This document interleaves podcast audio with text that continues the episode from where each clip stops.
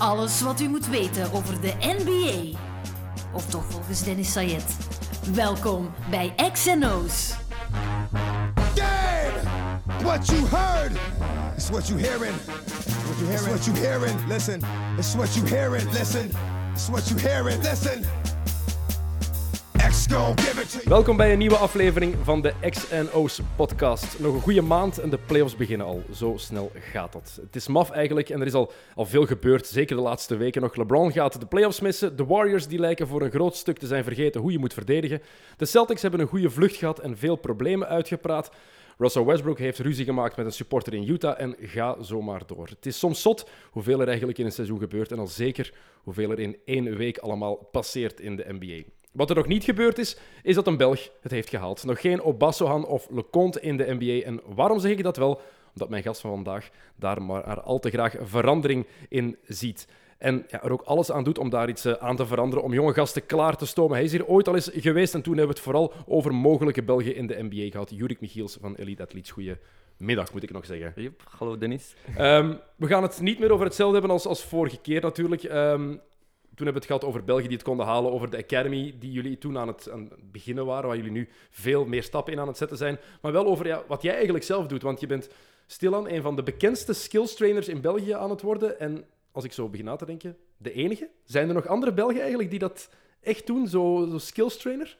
Ja, er zijn zeker in West nog, nog andere, andere Belgen die dat ook doen. Ehm, maar ik denk wel dat ik de enige ben die het fulltime uh, doet. Ja. Het is iets wat je eigenlijk nooit hoorde hè, in België. Je had coaches, je had jeugdcoaches, mannen die zich ook specialiseerden, centercoaches af en toe. Lucia van Kerschaver is daar bijvoorbeeld het grootste voorbeeld van. Een geweldige headcoach, maar gespecialiseerd in big guys op te leiden. Echt een skills trainer, wat in de States een gewoonte is. Er Ja. zijn er daar in elke stad honderden, bij wijze van spreken. Dat is echt nieuw. Hoe ben je daar eigenlijk ingerold? Ga eigenlijk altijd uit, uit eigen interesse. Ehm, altijd zo het fundamentele technische aspect van basket heeft mij van kleins af aan, toen ik zelf speelde, ehm, dat sprak mij het meeste aan.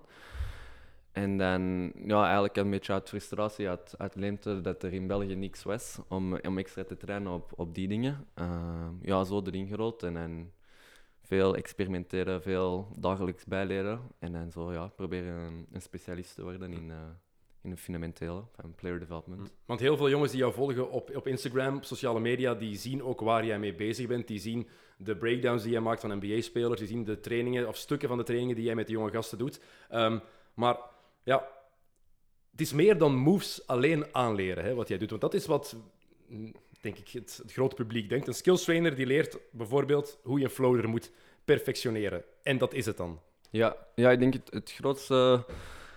Hetgeen wat de meeste mensen denken is: ah, een skills trainer die, die leert inderdaad gewoon moves aan. Maar dat is niet hoe, hoe het benaderen, dat is niet hoe we, hoe we werken. Is, je leert eigenlijk oplossingen aan voor problemen die er in de game kunnen voordoen. En voor elk probleem dat er in de game zich kan voordoen, probeert je een oplossing te zoeken. Dus het is meer in functie van opties. Bijvoorbeeld, eh, ik zal een voorbeeld geven, ik zeg maar iets. Alles is in functie van decision making. Dus laten we zeggen, je hebt een, een close-out. Hè. Een close-out is een van de meest eh, dingen die het meest voorkomt in een wedstrijd. Alright, een close-out wil zeggen, je hebt drie opties. Eerste optie is, is shooting. Tweede optie is drive, als je een straight line hebt. Derde optie is, als je geen straight line hebt, kun je een counter move doen en zijn voorste voet aanvallen. En dan zie je bijvoorbeeld weer één stap verder. Oké, eerst eh, als je je rechte lijn naar de goal hebt, nie- die optie. Eerste optie is, je hebt een rechte lijn, je komt geen helpside tegen. Tweede optie is, oké, je hebt een verdediger die in de helpside komt. Wat gaat je doen tegen de helpside? En dan gaat je kijken van, oké, komt de verdediger op het laatste moment, dan kunnen we naar een, moment, een eh, move gaan zoals een Eurostep, bijvoorbeeld, of een hop of een spin. Komt de verdediger vroeg, kun je naar een floater gaan. En zo kijkt je eigenlijk voor elke situatie, leert je, leert je eigenlijk de juiste decision making aan. Maar reken je dan op het basket-IQ dat de spelers al hebben? Want niet iedereen gaat meteen weten wanneer hij voor die first of second move moet kiezen. Hoe, hoe Ja. kan je daarvoor voor zorgen dat iedereen dan precies weet wanneer hij de juiste keuze maakt? Ja, dus je probeert eigenlijk de basketbal IQ te creëren. Want basketbal moet eigenlijk je, je decision making moet automatisch zijn. Dus eh, waar, hoe proberen we dat op te bouwen is bijvoorbeeld, eh, ik zal maar eh, een training geven, is step 1 is on air. On air willen we zeggen is we gaan naar ehm, de details uitleggen van de move. Vanaf dat een speler de move perfect kent, dan gaan we naar fase 2. Fase, B, fase 2 is meer guided defense. Dus dat wil zeggen bijvoorbeeld verdediger komt erbij en we geven de verdediger twee opties. En dan moet de speler al leren lezen welke van die twee opties om de juiste keuze te maken. Waarbij de verdediger eigenlijk overdreven die, die optie gaat geven. En dan fase 3 zou kunnen zijn dat we dezelfde situatie proberen te creëren in one-on-one bijvoorbeeld. Waarbij ons doel als trainers is dat de verdediger gaat all-out, maar we creëren de situatie zo dat de speler in aanval bijna altijd tussen twee opties gaat moeten kiezen. En dan de volgende fase is gebouwd op naar 2 tegen 2, 3 tegen 3. En Maar zo het duurt 5 lang voor 5. iemand zoiets toch... Zeker als, als je een jonge gast bent bijvoorbeeld, die dat basket nog niet helemaal ontwikkeld heeft. Ja.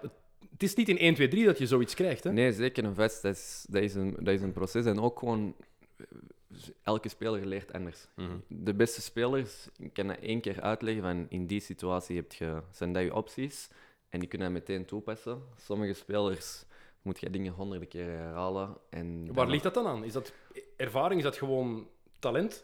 Goh, ik denk dat eh, ja, een beetje beide. Ik denk dat het soortgelijk is met, met school bijvoorbeeld. Je kunt iemand. Iedereen krijgt, eh, zit in dezelfde klas, maar toch heeft iedereen andere punten. Omdat sommige, sommige leren veel sneller, Mhm. anderen leren meer op een andere manier. Dus de, dat is van iedereen verschillend. Je kunt niet verwachten dat, dat iedereen op dezelfde manier leert. Maar zo zie je ook wel op jonge leeftijd waarschijnlijk hoe ver iemand kan geraken. Of is dat te kort door de bocht van mij? Als je, als je iemand ziet die op zijn veertiende al na één of twee keer eh, uitleg het perfect begrijpt en het perfect uitvoert en die defense leest en die opties ziet, is dat voor jou dan ook een teken van oké, die gast heeft meer potentieel om ver te geraken? Ja, zeker. Want, allee, ik kan nu heel veel spelers opnoemen die een ongelofelijke skills package hebben, die dat alles technisch perfect kunnen uitvoeren, maar hun decision making is niet goed. Mhm. En dat, dat, is het, dat is denk ik het minst. Allee, hetgeen wat veel coaches vaak vergeten is die decision making moet je echt gaan trainen. Als je decision making niet in je trainingen zit, dan gaat je geen slimme speler Hoe train, maar de vraag is, hoe train je dat? Want ik heb zelf ook, ik speel lager niveau, maar back in the day, ik heb dat nooit echt zo concreet aangeleerd. Als ik daarover nadenk, is daar weinig nadruk op geweest in, in mijn eigen opleiding. Spreek Ja. Dus het, het eigen, eh, mijn eigen ervaring dat ik even spreek, maar ik weet niet hoe dat zit bij, bij de eerste klasse ploegen in de jeugd. Zal dat tegenwoordig, zal er ook wel evolutie in zitten. Ik heb er geen kennis van, ga ik eerlijk genoeg zeggen, maar Ja, ik denk dat dat vroeger niet het geval was, dat daar echt veel op gehamerd werd. Er werd wel gezegd van ja, lees wat de defense je geeft. Betekent gebruik je basketbalverstand en wat je ziet. Maar is dat iets wat aan het evolueren is, denk je? Ja, ik denk zeker een best. Ehm, research toont ook gewoon aan dat, dat spelers veel makkelijker leren als je met guided defense werkt. Ik moet eerlijk toegeven dat ik ook maar sinds een, een half jaar hiermee aan het experimenteren ben. Vroeger waren mijn trainingen ook vooral on-air en dan ineens naar one-on-one. Maar dat is gewoon een te grote stap. Er is een, een te groot verschil tussen tegen lucht je moves doen en dan ineens in een 1 tegen 1 in een wedstrijdsituatie die, die moves leren toepassen. Je moet een tussenfase creëren, zeker bij, bij kinderen, waarbij zij ja, leren situaties herkennen en daarop meteen eh, reageren. Hoe ben je Ja. daar dan bijgekomen om dat te Ehm, veranderen? Eigenlijk door, eh, door een coach, door Mike McKay. Eh, hij is een Canadese coach. Eh, hij staat daar, hij leidt mee het programma van eh, Long Term Athlete Development Program daar. Hij werkt met na nationale ploegen enzovoort. Ik heb met de NBA een week eh, bij hem gezeten. En eh wij waren elke avond samen gaan eten. Natuurlijk, als je een week bij iemand zit, eh, ik stel duizenden vragen. dus ik heb echt gewoon heel zijn brain eh, proberen alles eruit te halen. En de grootste kritiek dat hij gaf op mijn trainingen was dat, dat ik te veel on-air deed. Dus te veel tegen lucht. En hij zei, alles wat je teacht is juist. Maar je transfer naar de game gaat minder groot zijn omdat je geen tussenfase gebruikt. Ik, werk nu, ik ben er nu dus een half jaar mee, mee aan het experimenteren en ik weet gewoon dat eh, de resultaten zijn zoveel beter. Je leert echt, kinderen leren veel sneller. Zie je dat dan ook in, Ja. bij de, de U16 van jullie bijvoorbeeld, van de, Ja. ploeg? Zie je dan ook echt dat dat ja, zich, zich transformeert, dat die spelers zich transformeren, moet ik eigenlijk zeggen, dat die zo snel progressie beginnen maken? Ja, ik merk dat enorm. Ik, dus, ik denk dat ja, guided defense is. Er moet decision making in je training zitten. En ik denk dat zeker op vlak van skills trainers zijn er heel weinig skills trainers die, zelfs in heel de wereld, die daar momenteel nog mee bezig zijn. Maar ja, ik denk dat dat wel key is in, in, in player development. Het is ook goed dat zoiets naar boven komt. Het is niet iets wat jij hebt uitgevonden, maar het is wel goed Ja. dat het blijft evolueren. Hè? Dat basketbaltrainingen, sporttrainingen, maar in dit geval basketbal, dat die zich blijven, dat die blijven evolueren, dat die beter en beter worden, alleen al voor, eh, voor de jonge gasten. Ja. Om, die, als, om, om de talenten ook beter te maken. Want er is talent in België.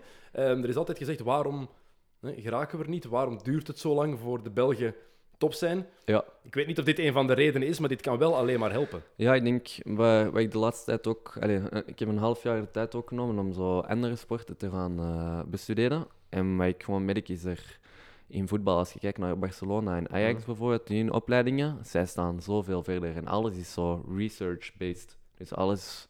Zij, ah, bij echter alles zit een visie. En dat merk ik in België is, als ik naar trainingen ga zien, er zit heel weinig visie of... of of gewoon wetenschappelijk eh, bewijs achter Mhm. dat, dat deze manier van trainingen. Je hebt het over, over de jeugd, heb je het Ja, ja, ja. ja. Mhm. Want natuurlijk, je zegt Barcelona, Ajax, dat zijn natuurlijk opleidingscentra, echt Ja. scholen. Dat heb je in basketbal, je hebt dat in Oostende. Ja. Natuurlijk heb je dat al, al tientallen jaar, dat ze daar die, die, die Ajax-school hebben eh, van Oostende. Ehm, als je kijkt naar andere clubs, ik snap wel dat dat moeilijk is voor trainers, want je zit met een hele hoop gasten, met een hele groep. Je kan moeilijk iedereen apart, individueel beginnen begeleiden. Ik denk dat dat heel moeilijk is voor, voor clubs in België, gewoon financieel, dat het al quasi Ja. onmogelijk is om zoveel trainers aan te werven en te betalen. Dus je moet daar ook realistisch in zijn. En we mogen de Belgische clubs daar niet voor aanvallen. Ik denk dat het heel belangrijk is dat die dat ook, dat die dat ook weten. Dat zij, ze hebben ook beperkte middelen. Hè. Niet elke club heeft financieel de mogelijkheden. Ja. Maar hoe kan je dat oplossen, vraag ik me dan af. Hoe kan je ervoor zorgen dat jonge gasten ook individueel, of tenminste in kleinere groepen, Ja. zo'n skills training kan geven? En ik vraag me dat soms af, want niet alle ouders hebben ook de financiële middelen om hun kinderen bijvoorbeeld bij jullie nog extra te laten trainen. Het is nee, allemaal niet tuurlijk. gratis. Hè? Nee, maar ik denk dat gewoon de, de visie achter hoe dat je trainingen opstelt, moet gewoon anders. Als ik kijk naar hoe basketbal aan het evolueren is, is uh, jij mag de beste coach zijn op tactisch vlak. En ik denk dat we momenteel in een, eh, een periode zitten dat het voor coaches alleen maar makkelijker wordt om, om van overal informatie te hebben. En wij kunnen nu gewoon de playbook van de Spurs spelen zelfs. Ja. Maar alles gaat nog altijd afhangen van je, je personeel, van hoe goed zijn je spelers op skills. En je mocht, allez, je mocht een beste tactische coach zijn als je spelers niet kunnen shotten, als zij niet kunnen driven, als zij niet kunnen finishen. En als je geen decision making kunnen maken, dan gaat hij er niet komen. Hoe moeten ze dat dan volgens jou aanpassen? Goh, ik, denk, aanpakken? ja, ik denk dat er tijdens de trainingen gewoon veel meer moet gewerkt worden aan, aan spelers individueel beter maken. En dat hoeft niet met individueel beter maken, wil niet zeggen van individuele begeleiding, maar meer in functie van development, meer in functie van ja, alle zaken. Zoals bijvoorbeeld, naar mijn mening als coach, houd je 20% van je training, elke training zou moeten gaan naar shooting. Shooting is de belangrijkste skill in basketbal. Daar zou al 20% naartoe moeten gaan. En naar mijn mening ook 20% op een training zou ik sowieso aan one-on-one eh, spenderen. Verschillende situaties, decision making. En dat zie ik gewoon, heel veel coaches zijn vooral gebaseerd, baseren zich op het 5-on-5 gedeelte. Omdat heel veel coaches natuurlijk ook ehm, de druk voelen om te moeten winnen. Ja, En in de jeugd, ik, in de jeugd vind ik het nog altijd niet nodig. Winnen maakt... Ik, als speler is het belangrijk, hè, want je haat verliezen. ja, Denk ik toch. Bijna elke speler wil winnen als hij op het veld staat. Dus dat is maar al te logisch. Maar als jeugdcoach ja, denk ik dat bijna iedereen gaat toegeven ook van ja, we vinden de ontwikkeling van die spelers het belangrijkste. Maar ik denk dat heel wat, zeker coaches van de topploegen, Ja. de jeugdtopploegen, dat die ook wel druk voelen van ja, oké, dat is het belangrijkste, maar er wordt wel verwacht van ons dat we winnen. Ja, ja, en ik denk dat dat een groot probleem is. Ik zeg altijd, the score takes care of itself. Als jij je job doet in, in training, en op Mhm. je trainingen, dan gaat je wedstrijden vanzelf winnen. Als je kijkt naar onze ploeg nu, wij hebben de Final Four gehaald. Ehm, het is nooit een doel geweest om de Final Four te halen. Dat, dat gebeurt gewoon. En dat is gewoon een resultaat van je, van je trainingen. Dat mag geen doel op zich zijn, ik.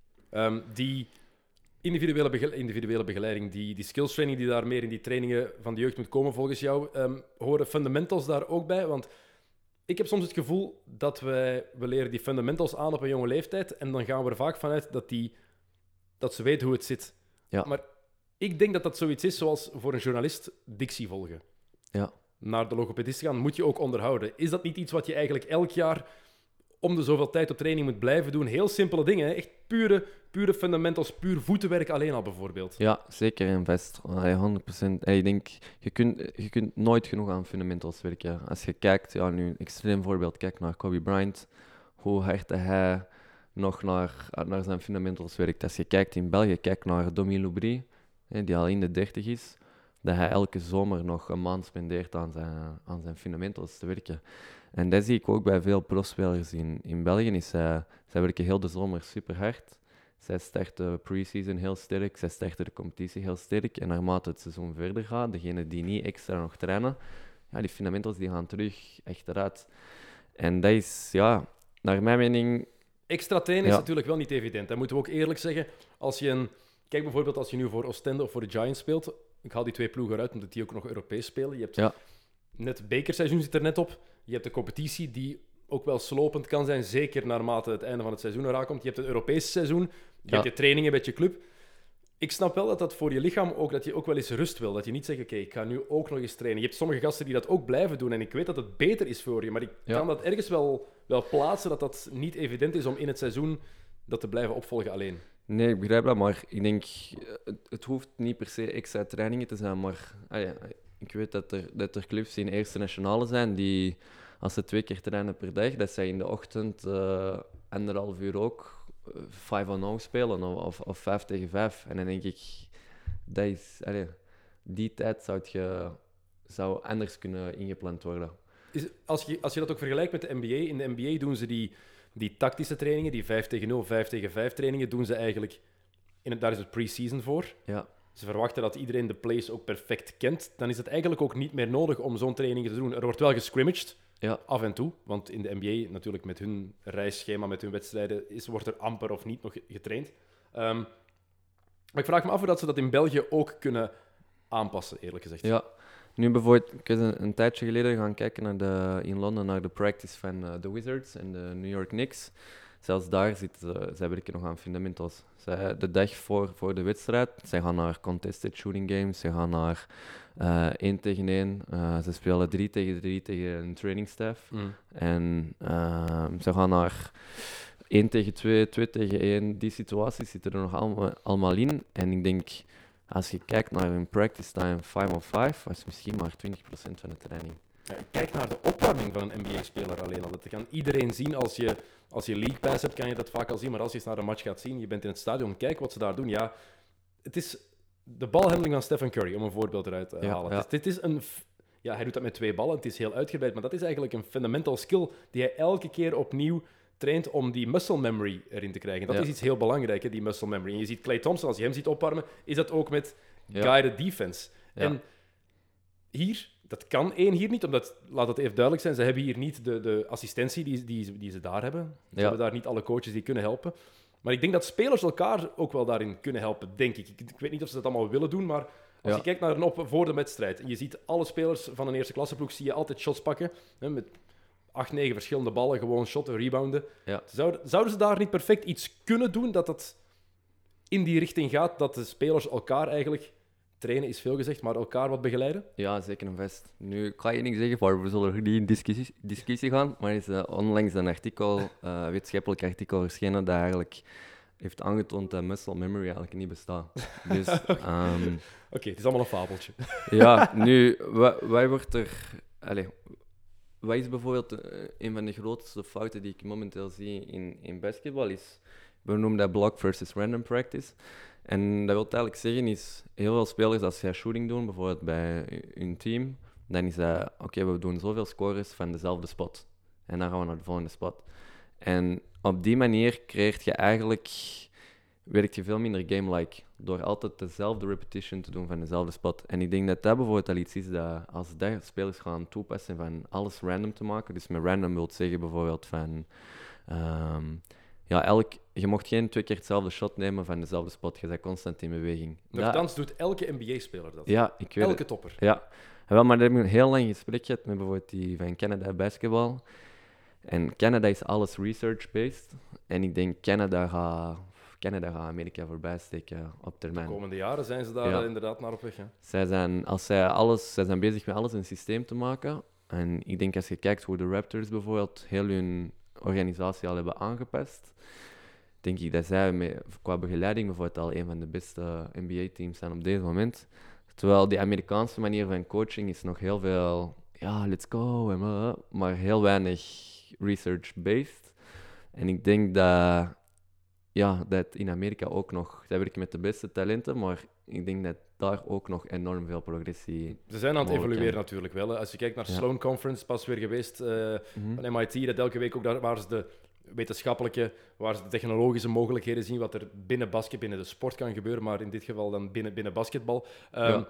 Ik denk dat ze daar, als dat allemaal zo is, bijvoorbeeld, dat dat echt beter zou blijken, dat de NBA wel een competitie is waar ze dan ook verder in gaan evolueren en dat het ook wel door zal sijpelen Ja, naar Europa uiteindelijk. Maar wat je zegt, ik vind het wel raar dat je zegt, je zou nooit twee shots in dezelfde positie achter elkaar mogen nemen. Terwijl, echt, als je kijkt naar welke topper dan ook, ze doen dat allemaal. En je zegt, muscle memory bestaat niet. Ja, Mhm. Ik heb Ray Allen zijn shot zien scoren tegen Miami in Game 6, nu al zes jaar geleden.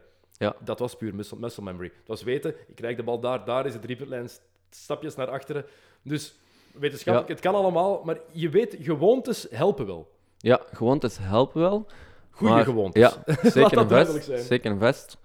Maar ik ga je bijvoorbeeld een voorbeeld geven. Nu, stel je bent aan training Mhm. en je doet een shooting drill. En je hebt een speler die daar, ehm, we zeggen drie spots, eh echt scores. En die shot echt op 10, echt op 10, echt op 10. En nu brengt jij er één verdediger bij en je zegt, de verdediger gaat altijd één seconde te laat zijn. Dus de verdediger is 20%. En je moet heel de tijd bewegen. Je mocht geen twee shots van dezelfde spot pakken. Hoe, dan heb je spelers die dat ineens naar 20% gaan shotten, terwijl die juist 80% hebben geshot. Maar nu bent je game-like aan het trainen. En dat denk ik is, dat, dat is iets dat te weinig gebeurd is. Hoe vaak in de wedstrijd heb je een open shot waar dat je twee keer hetzelfde kunt doen na elkaar, zonder dat er een verdediger in de beurt is. Dus ik denk, we moeten veel meer nadenken over hoe kunnen we een game-like situatie creëren. En al is hij een verdediger die enkel maar zijn hand half omhoog steekt, dat maakt het al veel realistischer. En je gaat merken dat heel veel spelers hun percentage al veel lager gaat gaan dan dat je gewoon vrij laat shotten. Dus mijn, mijn doel altijd is, hoe kan ik de grootste transfer van de training naar een wedstrijd creëren? En ik denk dat om, om dat te creëren moet je een, ja, heel goed worden in, in wedstrijdsituaties nabootsen. Dat is ook wat Michael Jordan vroeger bijvoorbeeld altijd zei. Hij zei, ik twijfelde nooit aan bepaalde shots die ik moest nemen, omdat ik het op training al gedaan had. En Ja. het was niet met skills trainers toen, dat zeker in die periode niet, in de jaren Ja. 80, begin jaren 90. Maar hij, in die 5-on-5's probeerde hij zoveel mogelijk dingen te doen waarvan hij dacht, dit kan op een match gebeuren, dit kan ik ooit moeten doen. Ja. En dat heeft hem ongelooflijk geholpen. Ja, zeker. Daar ben ik 100% van overtuigd dat dat moet. Maar bijvoorbeeld een goed voorbeeld is... Kijk naar James Harden. Hm? Dus eh, James Harden, als hij, of hij een contested shot pakt of een open shot, zijn vorm blijft altijd hetzelfde. Hij is nooit uit balans, hij laat zijn follow-through staan, hij gaat recht omhoog. En dat zijn dingen die heel weinig spelers kunnen hebben. De meeste spelers gaan iets veranderen aan hun shot vanaf dat, er een, een, vanaf dat hun shot contested is. Maar dat zijn dingen die je perfect kunt trainen. Als Harden zo gewoon is van op training shots te moeten pakken waar elke keer een verdediger bij is, die elke keer dat eh, contest, dat is, Mhm. ik ga nu niet de term muscle memory gebruiken, maar dat is ook eenzelfde, dat creëert eigenlijk hetzelfde principe. Begrijp je? Ja. Ja. Oké, dat is een goed voorbeeld inderdaad. Maar het is, ja, het is straf dat dat zo, zo belangrijk is eigenlijk. Dat je, moet weten, dat je echt moet, moet ervaren eigenlijk wat je op training gedaan hebt, omdat je daar zelfvertrouwen uit kan krijgen, omdat je het je gewoon, gewoon herinnert, dat je dat Ja. kan transfereren in de wedstrijd. Eh, even over jouzelf, want ehm, laten we eerlijk zijn, het is redelijk hard aan het gaan hè, voor jou. Laatste jaar. Ja, we zijn, eh, hij- hij- we zijn goed aan het evolue- evolueren. Ik denk ook op internationaal vlak is het heel snel aan het gaan momenteel. Dus dat is wel, eh, ja, trust the process. hè. Mm. Ja. want ja, we moeten ons excuseren, want je, je had het voorgesteld, we kunnen het misschien in het Engels doen. Je hebt een paar weken geleden nog een podcast in het, eh, in het Engels opgenomen. Dat, iets Ja. voor de Nederlandstalige Ja. luisteraar, de Nederlandstalige basketliefhebber. Daarom eh, dat we het gewoon in het, in het, in het Vlaams doen dan. Ja. Eh, maar voor jou, ja, het, gaat, het gaat hard. Jullie zijn aan het evalueren, maar jij zelf gewoon ook.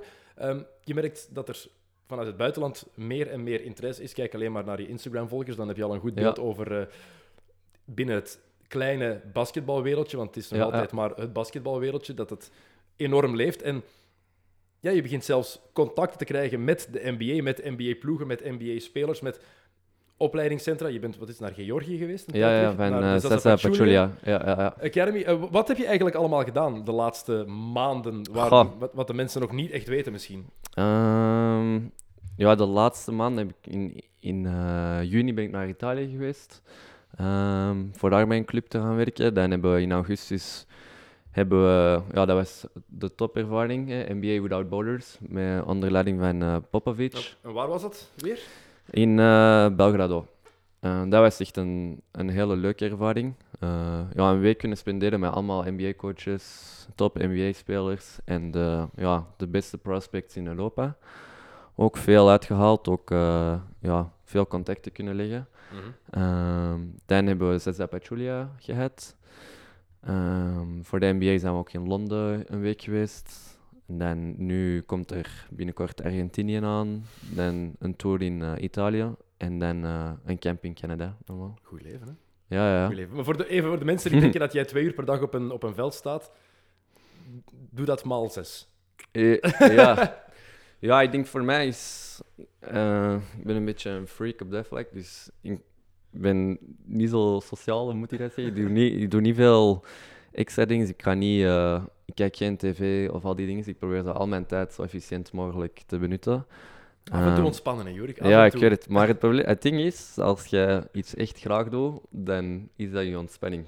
Dus voor mij voelt het niet aan als werken, maar ja, dus ik doe elke dag wat ik graag doe, dus ik kan niet klagen. Ehm, je zei het net al, die NBA Without Borders onder leiding van de beste coach Ja. aller tijden, Greg Popovich. Eh, heb je daar ook persoonlijk contact mee gehad? En heeft hij Ja. je raad kunnen geven? Ja, eigenlijk eh, super cool. Ehm, op dag 2 moesten we een, een, een station geven van een half uur. En eh, hij was bij de start van het station had hij zich neer, neergezet naast het veld. En heeft, heeft heel de station gezien, dus eh 30 minuten. En eh, ja, het onderwerp was zo alles van creëren uit de setup dribble. Dus eigenlijk zo James Harden zijn series.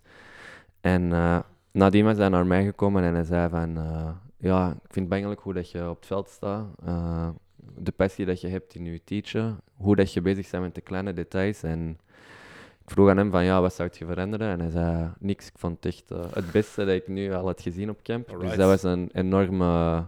allee, voor mij, ik had, ik had letterlijk tranen in mijn ogen. Ego ja, boost. en het coole was ook, ehm, ja, de NBA is ook heel politiek. Dus bijvoorbeeld in de avond en eh, ja, voor een camp van 50 eh, spelers hebben zij 120 man crew bij. Eh, ja, dat is, dat is next level. Overal security, dat is, dat is echt een, een ander niveau. Maar bijvoorbeeld in de avond, wij waren de enigste twee mensen die niet van de NBA waren, Oli en mij. Dus Mhm. wij moesten altijd ergens in een hoekje weg gaan, gaan zitten. En eh, op een bepaalde avond kwam eh, Popovic naar ons en eh wij zaten helemaal in de hoek. En, en hij zei van, ja, is dat oké als ik bij jullie kom zitten? En hij heeft dan, al die ogen waren meteen zo op ons gericht van, ah, wat gaat hij daar doen, wat gaat hij daar doen? Maar ik denk dat hij zoiets weg wou van, ja, de Amerikaanse, ik kan een beetje een circus noemen. Dat is heel, ja, veel van die conversaties zijn redelijk oppervlakkig. En dan hebben we heel de, eh, ja, heel de maaltijd eigenlijk met hem kunnen praten over superveel dingen, over mental toughness, over waarom hij zoveel respect heeft in de NBA tegenover andere coaches, ehm, tips dat hij kon geven. Dan veel gepraat over onze academy, de tips dat hij daarvoor Mhm. wou geven. Is, Wat is het, wat is het belangrijkste dat je daarvan onthouden hebt, van het gesprek met? Ik- ja, eigenlijk twee dingen.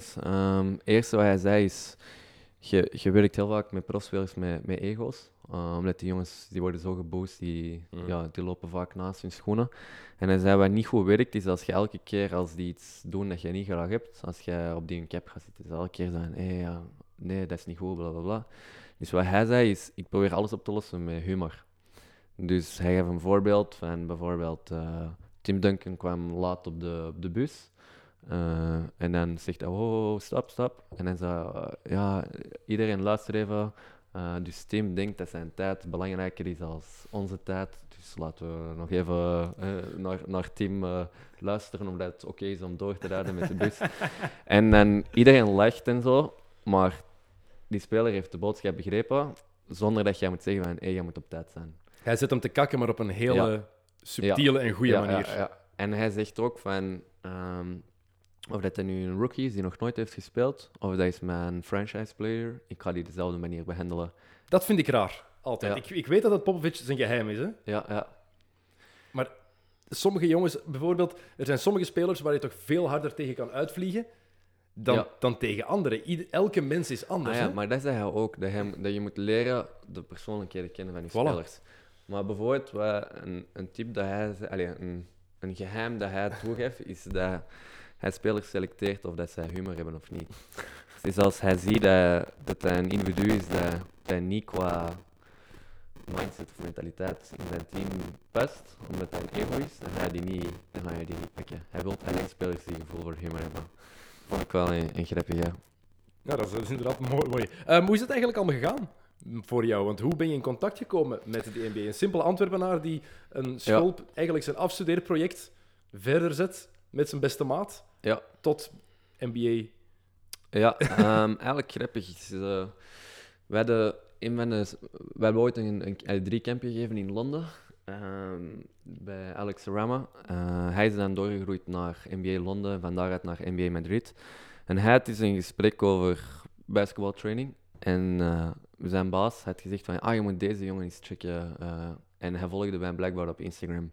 En Alex zegt, ah, Jurik, ja, tuurlijk, ik ken die, we hebben samen gewerkt. En hij zei, ah, ik vind zijn stof echt goed, hoe was die? En hij zegt ook van, ja, dat was, dat was supergoed. En heb hij mij uitgenodigd naar Madrid en we hebben een week samen eh, gepraat, de mensen leren kennen, visies, ja, eigenlijk uitgelegd. En dan zei hij van, ja, weet je wat, we gaan jullie een kans geven op een eh, junior NBA camp. Ehm, daar is dan mijn collega Olivier naartoe gegaan, die kon toen niet.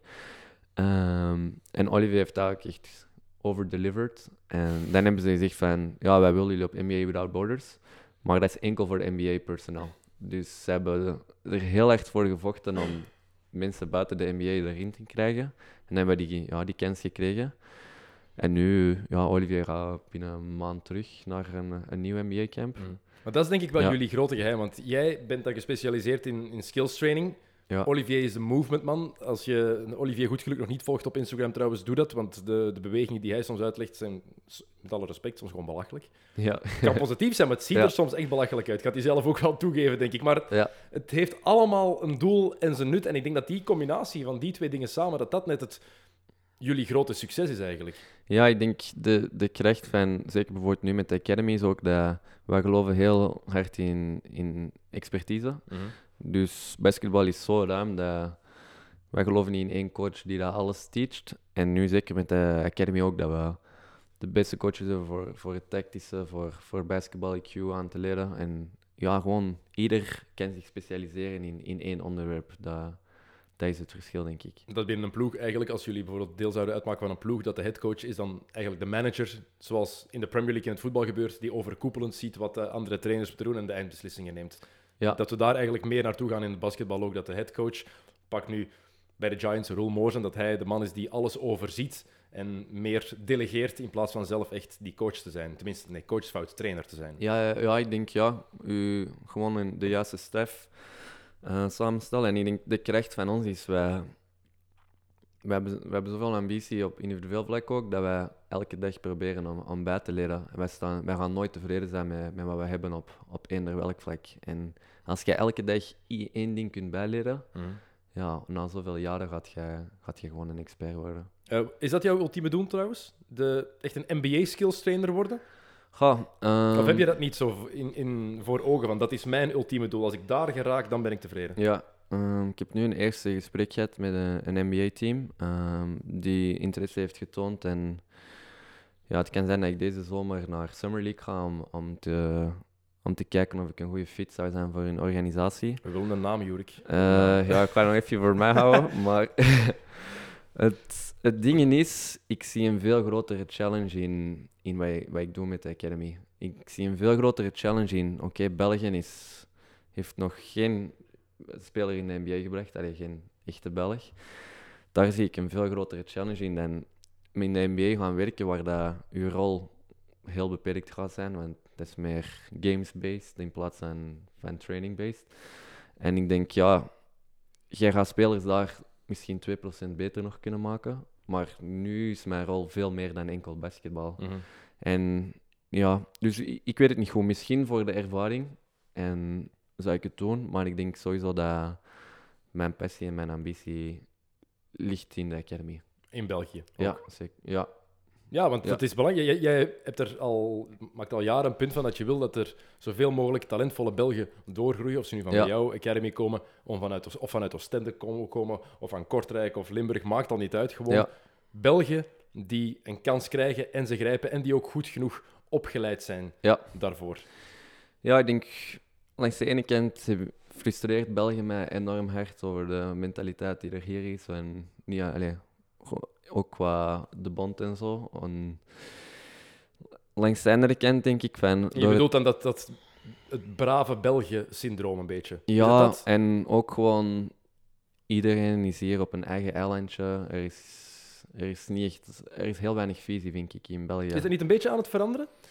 Als, je, als je kijkt ook naar, als je kijkt naar de topclubs, als je kijkt naar de Giants, net beker gewonnen, waar heel veel jonge Belgen nu Ja. toch wel echt hun kans krijgen bij de, bij de, bij de A-ploeg Oostende, waar ze toch wel inzetten op Belgen die een belangrijke rol spelen. Ja. Ik heb het gevoel dat dat wel terug aan het, meer en meer aan het verbeteren is. Ja. Of is, is dat, eh, dat is hoe ik het tenminste ervaar. Maar ik denk dat de lijn moet doorgetrokken worden tot aan de basis. Mhm. En ja, basketbal leeft hier nog gewoon niet zoals het zou Dat is een heel ander. Maar dat kun- daar kunnen de clubs weinig aan doen, denk ik. Of kun, het, ja. het is een verantwoordelijkheid van de hele.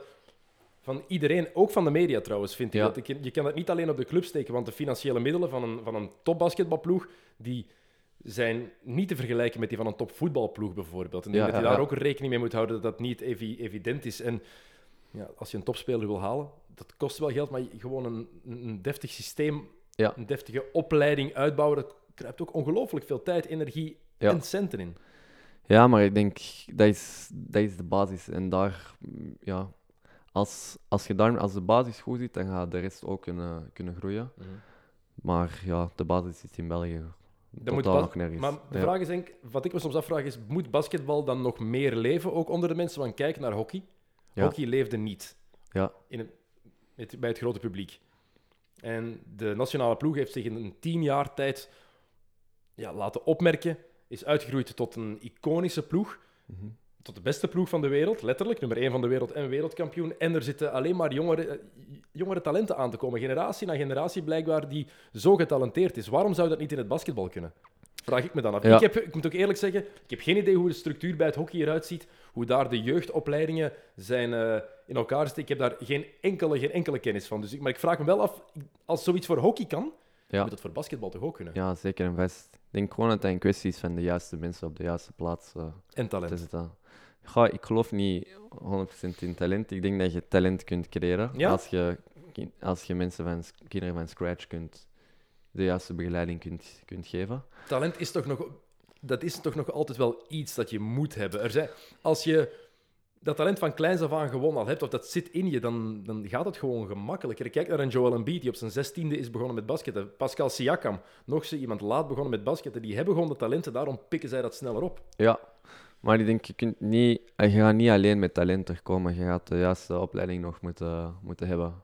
Als je kijkt naar Joel Embiid, hij is ook iemand die in de zomer nog super hard werkt aan zijn individual game. Hè, Maar dat ligt ook aan de mentaliteit van de spelers dan. Hè. Het is Ja, niet alleen de ja. opleidingen, want je kan zeggen van ja, ik vind dat het Belgisch basketbal dat ze daar te weinig moeite in steken, maar het zijn ook de spelers zelf die die moeite moeten willen doen. En als je kijkt naar hoeveel jongens er in de zomer trainen, er zijn heel wat Belgen die dat blijven doen. Je hebt Domino Briel genoemd.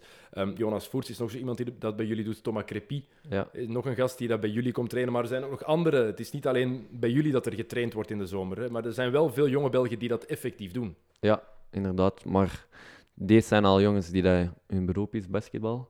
Ik denk als je die mentaliteit kunt doordrukken van, van kleins af aan, dat, dat gewoon je, jeugd de mentaliteit krijgt van kijk, als ik iets wil bereiken, dan moet ik er gewoon keihard voor werken. En ook gewoon, ja, ik denk, er is nog zoveel meer mogelijk. Ik geloof ook niet in het systeem van nu spelen kinderen vanaf hun zes jaar basketbal. Ja, ik ben er eigenlijk geen voorstander van. Van welke leeftijd zou jij ze dan laten Ja, beginnen? ik zou hun, je kunt basketbal doen, maar niet alleen basketbal. Ik denk, allee, dat is, bijvoorbeeld dat Canadese model vind ik veel interessanter, waarbij kinderen tot onder hun 14 jaar eigenlijk meerdere sporten doen en dan op hun 14 jaar gaan kiezen van in welke sport ligt mij het meeste. Maar wat als je het ene nu gewoon liever doet? Als je nu echt Ja. denkt van ik wil alleen maar basketten. Of ik wil alleen maar voetballen. Of baseballen. Of weet ik veel. Ja, maar ik denk gewoon op lange termijn gaat dat je, je minder minder helpen. En ik denk dat kinderen altijd wel nog andere sporten ook leuk gaan vinden. Mhm. Maar ja, op atletisch vlak gaat dat je gewoon eh, veel beter... Allee, wij, wij, wij specialiseren denk ik iets te vroeg op, voor, om nog één sport te gaan. Ja, ik vind het moeilijk. Ik vind het ergens raar dat je dat zegt, want je hoort het vaak in heel veel andere sporten, in tennis bijvoorbeeld ook, van hoe vroeger je begint te specialiseren, hoe beter dat is. Ja, ja ik, geloof er niet, ik geloof er niet echt in. Oké. Eh, Dus voor jou is het ook meer het doel jonge gasten eigenlijk meer en meer opleiden in plaats van met topspelers te werken. Ja, ik vind, nee, ik vind de combinatie zeker en best leuk. Het is, het is wel de bedoeling ook om met profs te blijven werken. Want ik zag je, wat is het, je bent twee weken geleden naar, naar Sint-Petersburg geweest. Ja, dus dan was ik naar eh, Cody Miller. Dus hij heeft Ex-speler van Leuven, onder ja, andere. ja, dus hij was hier, eh, ik denk twee jaar geleden of drie jaar geleden, was hij de, de leading scorer in, eh, ja, en ook de leider in assists. Mhm. Ehm, we hebben toen een half jaar met hem getraind, waarbij hij drie keer in de, per week in de ochtend kwam, kwam eh, ja, extra trainen. Dat heeft hem toen een enorme boost gegeven, waardoor hij een heel sterk seizoen heeft kunnen spelen. Ja, en hij is ons nooit vergeten. We const- contact blijven houden, vaak nog Mhm. informatie wisselen. En Maar dat mij- is wel iets wat je ook wil blijven doen, Ja, met zo'n zo'n profspelers werken. Dus Ja. het is niet alleen echt dat je je richt op, op Nee, die is- opleiding, op jonge ja, gasten. Ja, het is de combinatie. Hoe bouw jij een training op dan? Als je bijvoorbeeld naar zo'n... Als je afgesproken hebt met een, met een profspeler en Ja. je spreekt af van oké, we gaan nu een maand aan een stuk werken bijvoorbeeld. Ja. Hoe bouw je dat dan op? Dus wat ik eerst doe, is ehm, ik vraag aan die speler alle mogelijk beeldmateriaal dat ik kan krijgen. Dus dat kan zijn full games, eh, condensed games, eh, highlights. Ik probeer van alle mogelijke jaren dat ik heb, probeer ik te bekijken. En dan maak ik een soort van SWOT-analyse. Dus dat wil zeggen dat ik eigenlijk al zijn sterke punten ga opschrijven. Dan ga ik al zijn tendencies opschrijven. Dus dat wil zeggen, uit elke situatie dat ik zie dat hij een score heeft, ga ik een streepje zetten. Dus dat kan zijn bijvoorbeeld eh, catch and shoot on the hop. Dat kan zijn sidestep naar rechts. Dat kan zijn eh fadeaway baseline. En dan zit ik overal streepjes. En echter de moves die daar meer dan drie keer zijn voorgekomen in het beeldmateriaal dat ik heb gekregen, maak ik eigenlijk go-to moves van. Dus dan weet ik van, kijk, deze is hetgeen wat de speler het meeste ligt. Deze is wat hij al heeft gebruikt. En dan ga ik kijken naar wat zijn zijn opportunities. Als deze type speler is, wat kunnen we er nog op verder bouwen? Wat kan nog in zijn package eh, komen? En dan het laatste punt is, wat zijn weaknesses? Dus bijvoorbeeld eh, met Cody, zijn weaknesses was elke keer als hij naar links ging, was dat inside hand layup. Hij dat scoorde alles met rechts. Dus dan kan- en dan moeten we nadien, vraag ik eigenlijk aan de speler zelf, zonder dat ik mijn resultaten meedeel, maak eens hetzelfde over u. En dan komen we samen, eerste training, en dan gaan we overlopen van, kijk, wat zijn nu de dingen waar we echt onze tijd in willen steken? En dan kiezen we drie hoofddoelen eruit. Ik ga nooit meer als drie dingen doen, want ik heb liever zoveel mogelijk diepte in mijn trainingen, in plaats als van alles een beetje te doen. En, eh, en dan beginnen we eraan. Dus dan, dan werken we aan, aan de drie topics waar, waar we kiezen dat je het meeste progressie in wilt maken. En dan moet je dingen eigenlijk gaan afwegen. Voor mij, ik werk veel liever aan zijn sterke punten dan nog uitbreiden, dan bijvoorbeeld aan zijn zwakke punten te verbeteren. Dus bijvoorbeeld met Cody, oké, je werkt bijna altijd even met je inside hand. Ik ga een klein beetje van mijn tijd spenderen aan ook finishes met je linkerhand. Maar ik ga veel meer tijd spenderen aan, ah, hij speelt heel goed bijvoorbeeld uit de setup dribble, zoals Harden. Alright, we gaan zorgen dat je ongelooflijk goed wordt in, in daaruit je, je decision making, je opties. Want mijn natuurlijke reactie Ja, zou zijn, als, als trainer dan, om die zwakke punten aan te pakken, om die beter te maken. ja op zich Dat lijkt mij een natuurlijke reflex. geef, als je mij een kindje heeft van onder 14 jaar, dan ga ik daar meer aan werken.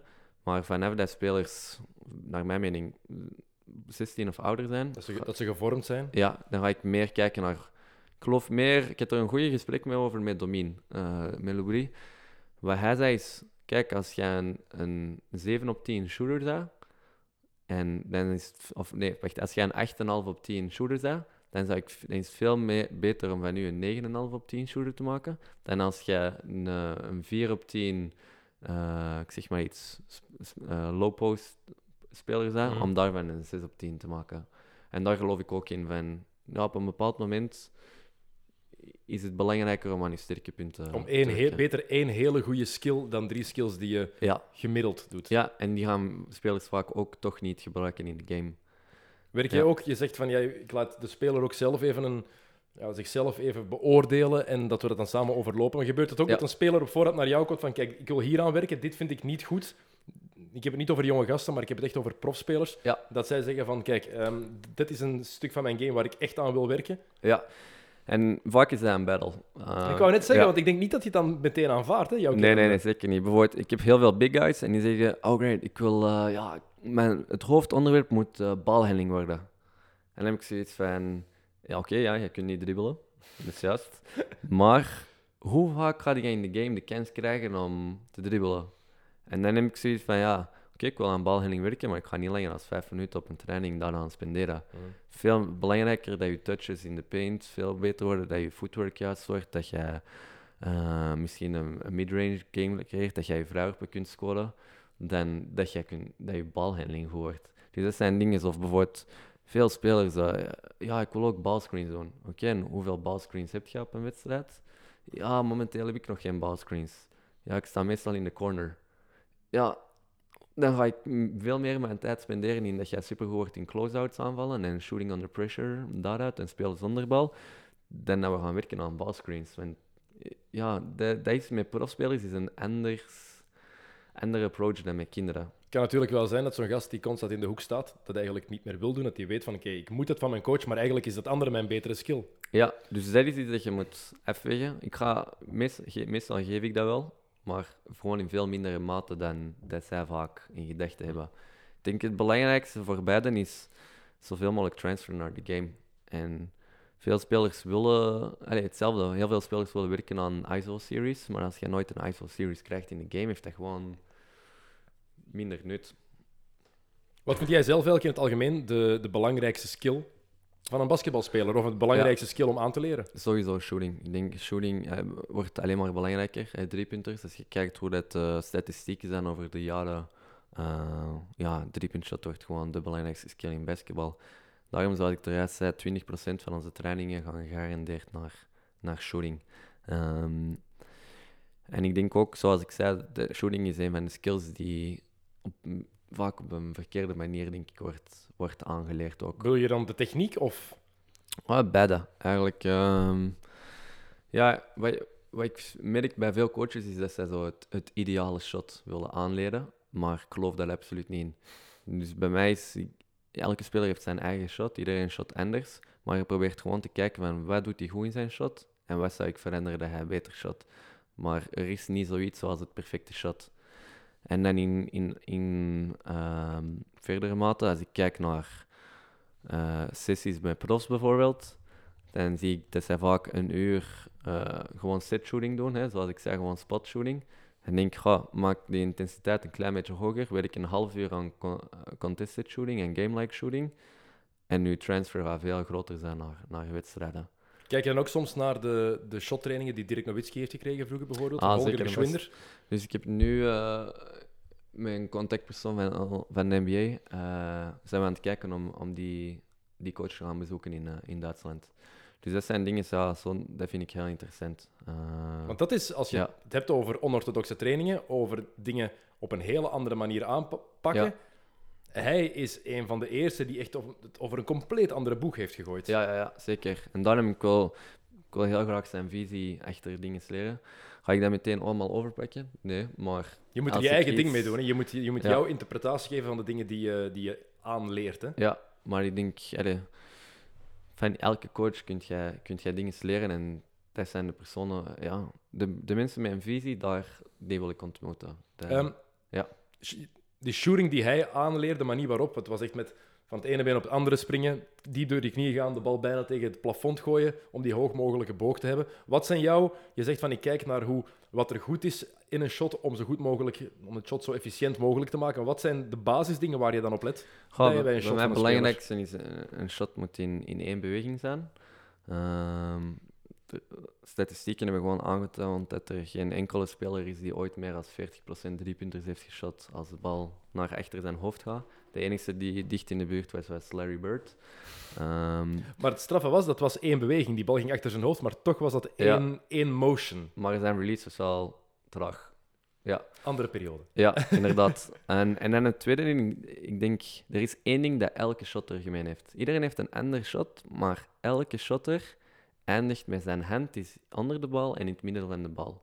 Dat is, dat, dus dat is voor mij, handplacement on de bal is super super belangrijk. Ehm, ik denk als je die twee dingen hebt, dat one motion is en je hand placement is juist op de bal, dat is al key. Vind je dat dat in de jeugd dat dat meer aandacht moet krijgen? Shooting? Zeker en vast. Ik zeg altijd tegen spelers van... Jij mocht de beste speler op alle vlakken zijn. Als jij niet kunt shotten, dan heb jij de, heb jij, allez, de kans dat je iets gaat bereiken in basketbal wordt gewoon miniem. Ik denk, voor el- als je kunt shotten, dan gaat je altijd al een ploeg hebben waar je kunt.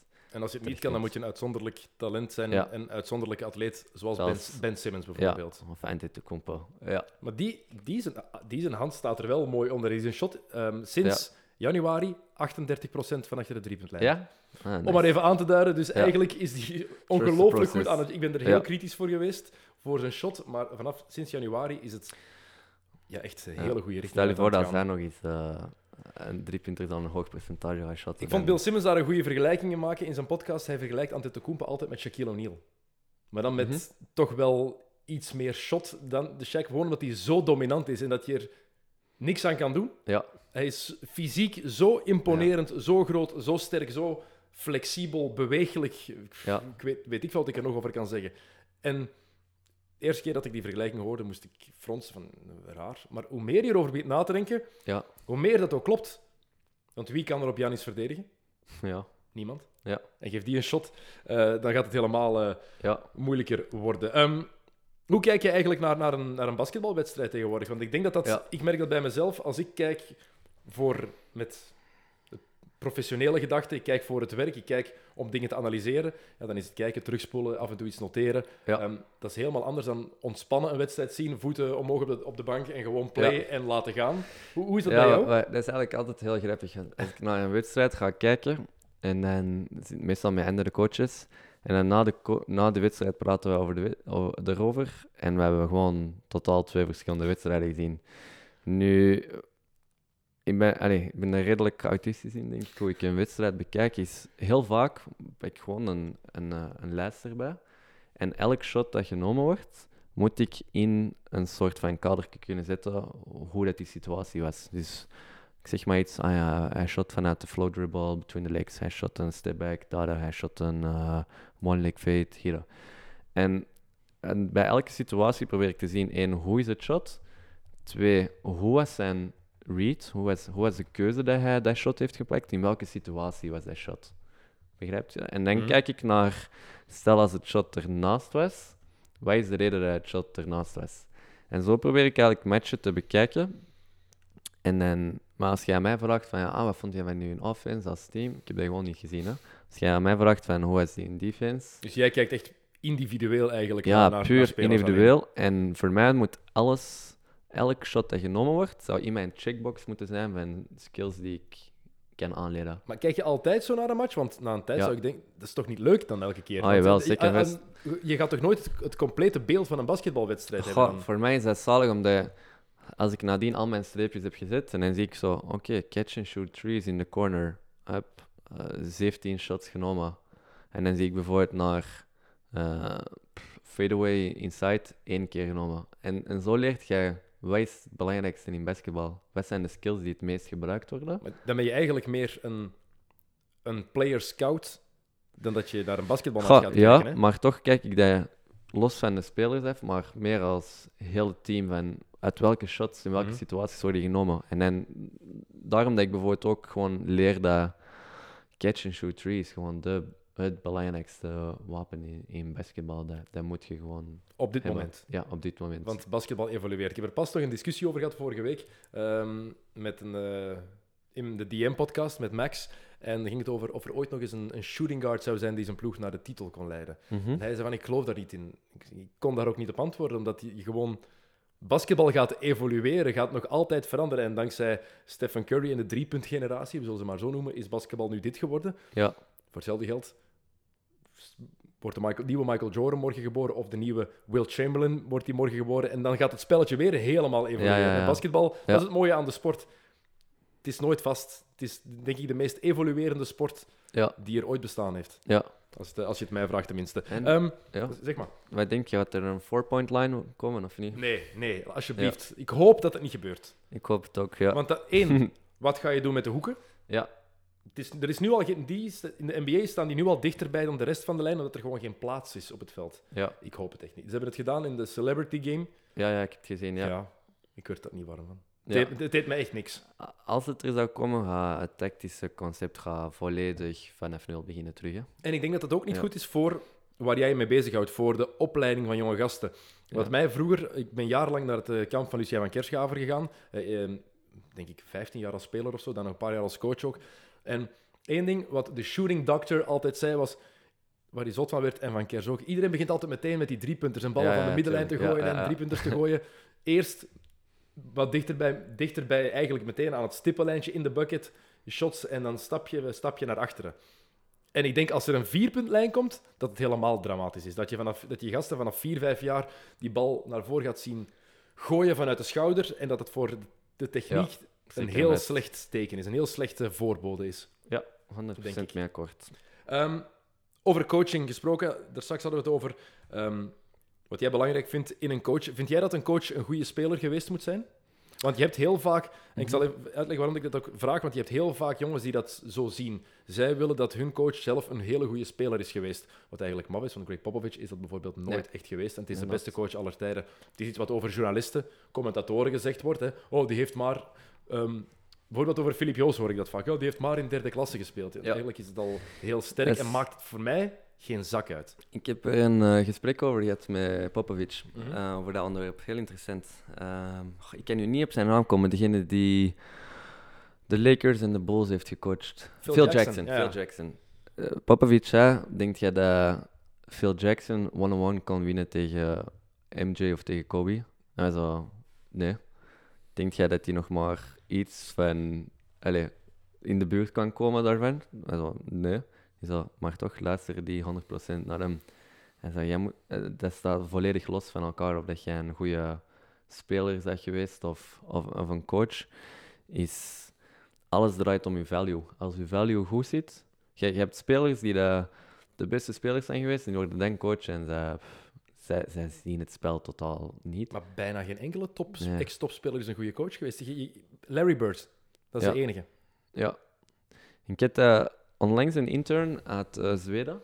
Nooit basketbal gespeeld. Ehm, maar ziek obsessed met, met basketbal.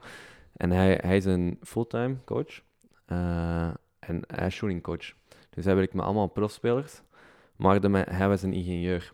En de manier hoe hij het shot ontleed, had ik nog nooit gezien. Hij zei dat van een heel ander standpunt dan wij als basketter ooit zouden zien. En wat zag jij dan? Ja, gewoon alles met zo angles en hoe dat hij... Ja, hij zegt dat van zo'n heel anatomische manier. Mhm. Soms iets te technisch. Maar ik heb hem een paar trainingen laten geven. En hij had wel resultaat. Dus dan heb ik zoiets... Dat is wel heel cool. Maar dan probeerde hij bijvoorbeeld iets... ah ja, ik wil eens iets van u proberen, zo floaters en zo. Maar ja, en dan dacht ik van... nee, doe dat alsjeblieft niet. Ieder heeft zijn specialisatie. Maar dat is wel cool inderdaad. Maar ik vraag me dat soms af, want Phil Jackson heeft dan nog twee titels gewonnen als speler. Oké, het eerste Ja. jaar was hij geblesseerd, maar hij heeft wel zijn rol gehad in de legendarische New York Knicks-ploegen van de jaren, begin jaren 70. Dus hij kon nog basketten. Maar kijk naar een Brad Stevens nu van, van Boston. Oké, heeft een heel moeilijk jaar, maar wordt gezien als een van de beste coaches in de NBA op dit moment. Heeft nooit op hoger niveau gespeeld. Ja. Nooit Nick Nurse.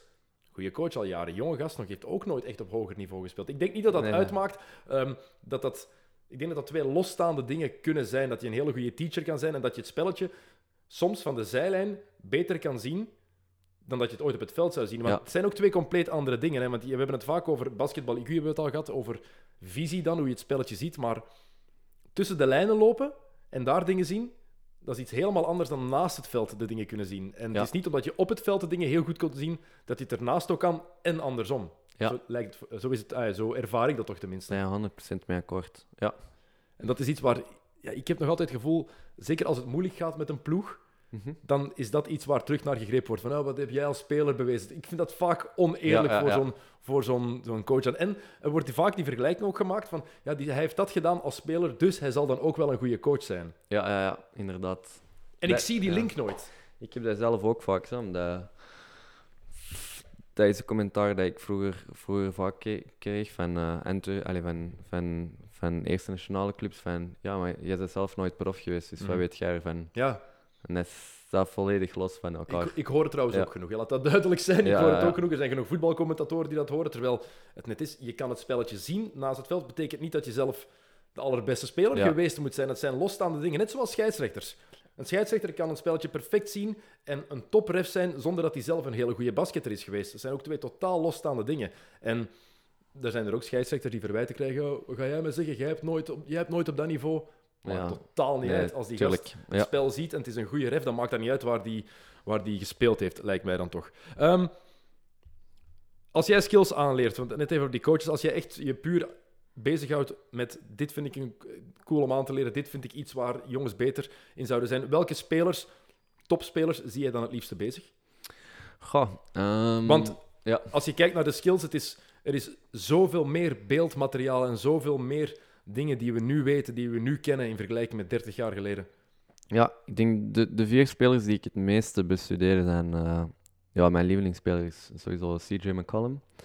Ehm, en dan hebben we Devin Booker, eh, Bradley Beal en, en Jason Tatum.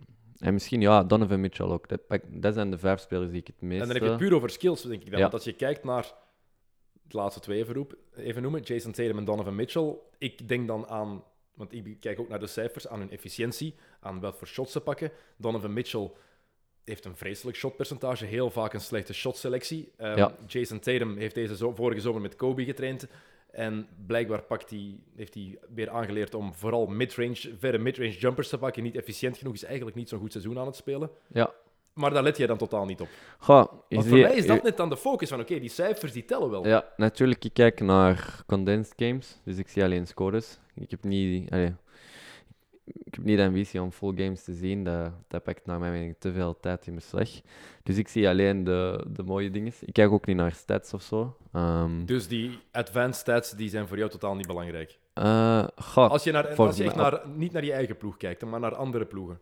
Ehm, wij proberen wel zelf met de Academy bepaalde dingen van advanced stats te doen. Ehm, dus op dat vlak vind ik dat wel belangrijk als dat met onze eigen jongens zijn. Maar als het op vlak van bestuderen gaat, dan kijk ik meer gewoon naar. Ja, ik vind dat zij een, een heel grote package hebben. En de details, hoe dat zij dingen uitvoeren, denk ik dat dat is, ja, dat is de reden waarom ik naar hun, naar hun kijk. Puur focus op de skills, op de, de dingen die ze wel goed doen dan, die succesvol zijn, in plaats van Ja.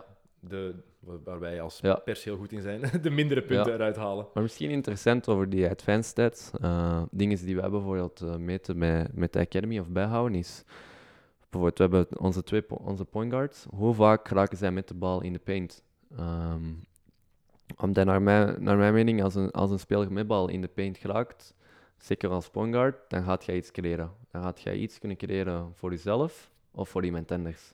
Dus dat is iets dat wij statistieken van bijnemen, omdat wij merken dat heel veel spelers drive to pass doen. Ehm, het tweede ding dat we bijvoorbeeld bijhouden is, hoeveel high fives geeft jij als captain? Ehm daar is, er is een studie over geweest met Steve Nash. Ja, de ultieme captain op dat, Ja. op dat vlak. Ja. En het toont gewoon dat je chemistry is zoveel beter als jij veel high fives doet. Bijvoorbeeld de eerste keer dat wij dat deden, had een, onze speler er vijf of zoiets, denk ik. En nu zit hij aan een gemiddelde van rond de 50. Dus dat zijn dingen dat als captain vind ik dat belangrijk. Ehm, ik ben aan het denken, zijn er nog dingen die we bijhouden als advanced stats? Hmm. Ja, sowieso nog, maar dat zijn de eerste twee waar ik eh, op kom, bijvoorbeeld. Steve Nash, ook de ultieme captain, vooral omdat hij altijd als er iets misging de schuld op zich nam. Ja. er is- ik, denk, ik ken geen enkele speler die als hij de perfecte pas geeft en dat iemand anders de bal gewoon fumbled, dat hij zegt Ja. bad pass. Ja. Steve Nash deed dat altijd. Dat is, dat is indrukwekkend. Ehm, je hebt dan met heel wat jongens samengewerkt de laatste jaren intussen ook. Wat zijn eigenlijk de spelers die op jou het, het meeste indruk hebben gemaakt? Goh, het meeste indruk hebben gemaakt. Ehm, ja, ik denk, ik denk Cody is misschien wel de speler met het meeste potentieel. Ik denk dat hij wel Euroleague en zo nog, nog aan kan. Ehm, Is toch jong ook, hè? Ja, ja, zeker. Ja.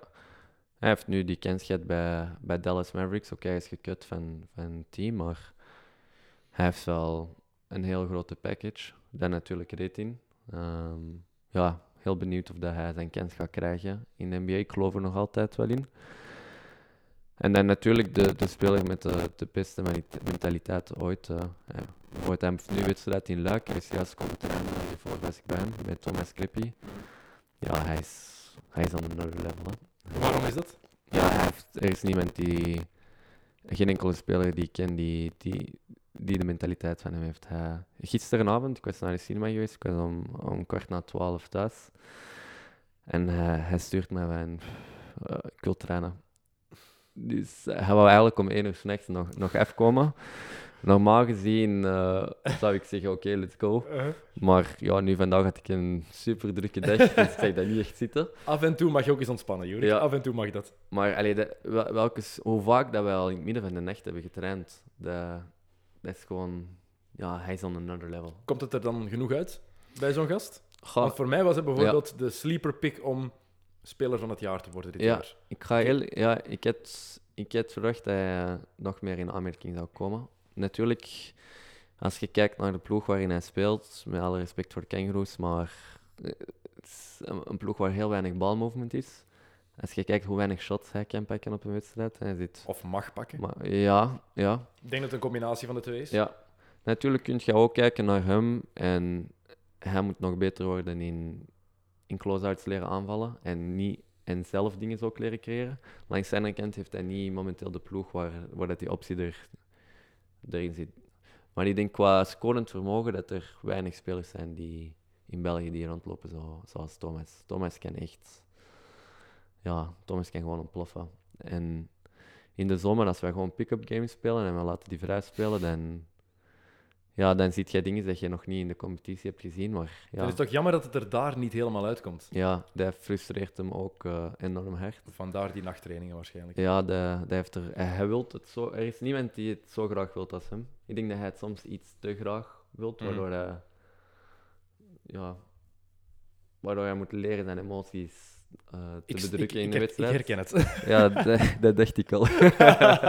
hey, zelfkennis is het begin van alle wijsheid. Ja. In de spiegel kunnen kijken. Oké, Jurik, ehm, ik ga je moeten laten gaan. We zijn al eh, heel even bezig. Misschien Alright. een moment voor jou om nog even reclame te maken. Als iemand die luistert denkt van, oké, skills training, eigenlijk zie ik dat wel zitten. Wat moeten ze doen? Ehm, ja, deze zomer gaat de eerste keer zijn dat ik eh mij ga opstellen voor alle niveaus ook. Dus dat wil zeggen dat, dat er heel de dag door sessies gaan zijn. Dus zeker een optie om deze zomer te werken. En dan denk ik, Elite Europe Camp is zeker een van de betere campen in Europa, denk ik. Om, Tot welke leeftijd is dat? tot eh, ja, 20 jaar.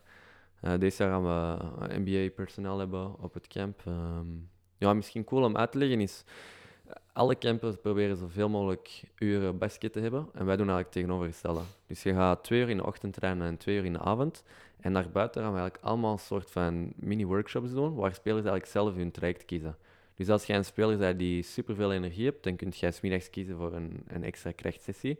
Zij jij een speler die in de avond moe is, kun jij zeggen van oh, ik ga een meditatiesessie doen, of ik ga nog een video breakdown doen, of ik wil een early bird shooting sessie doen.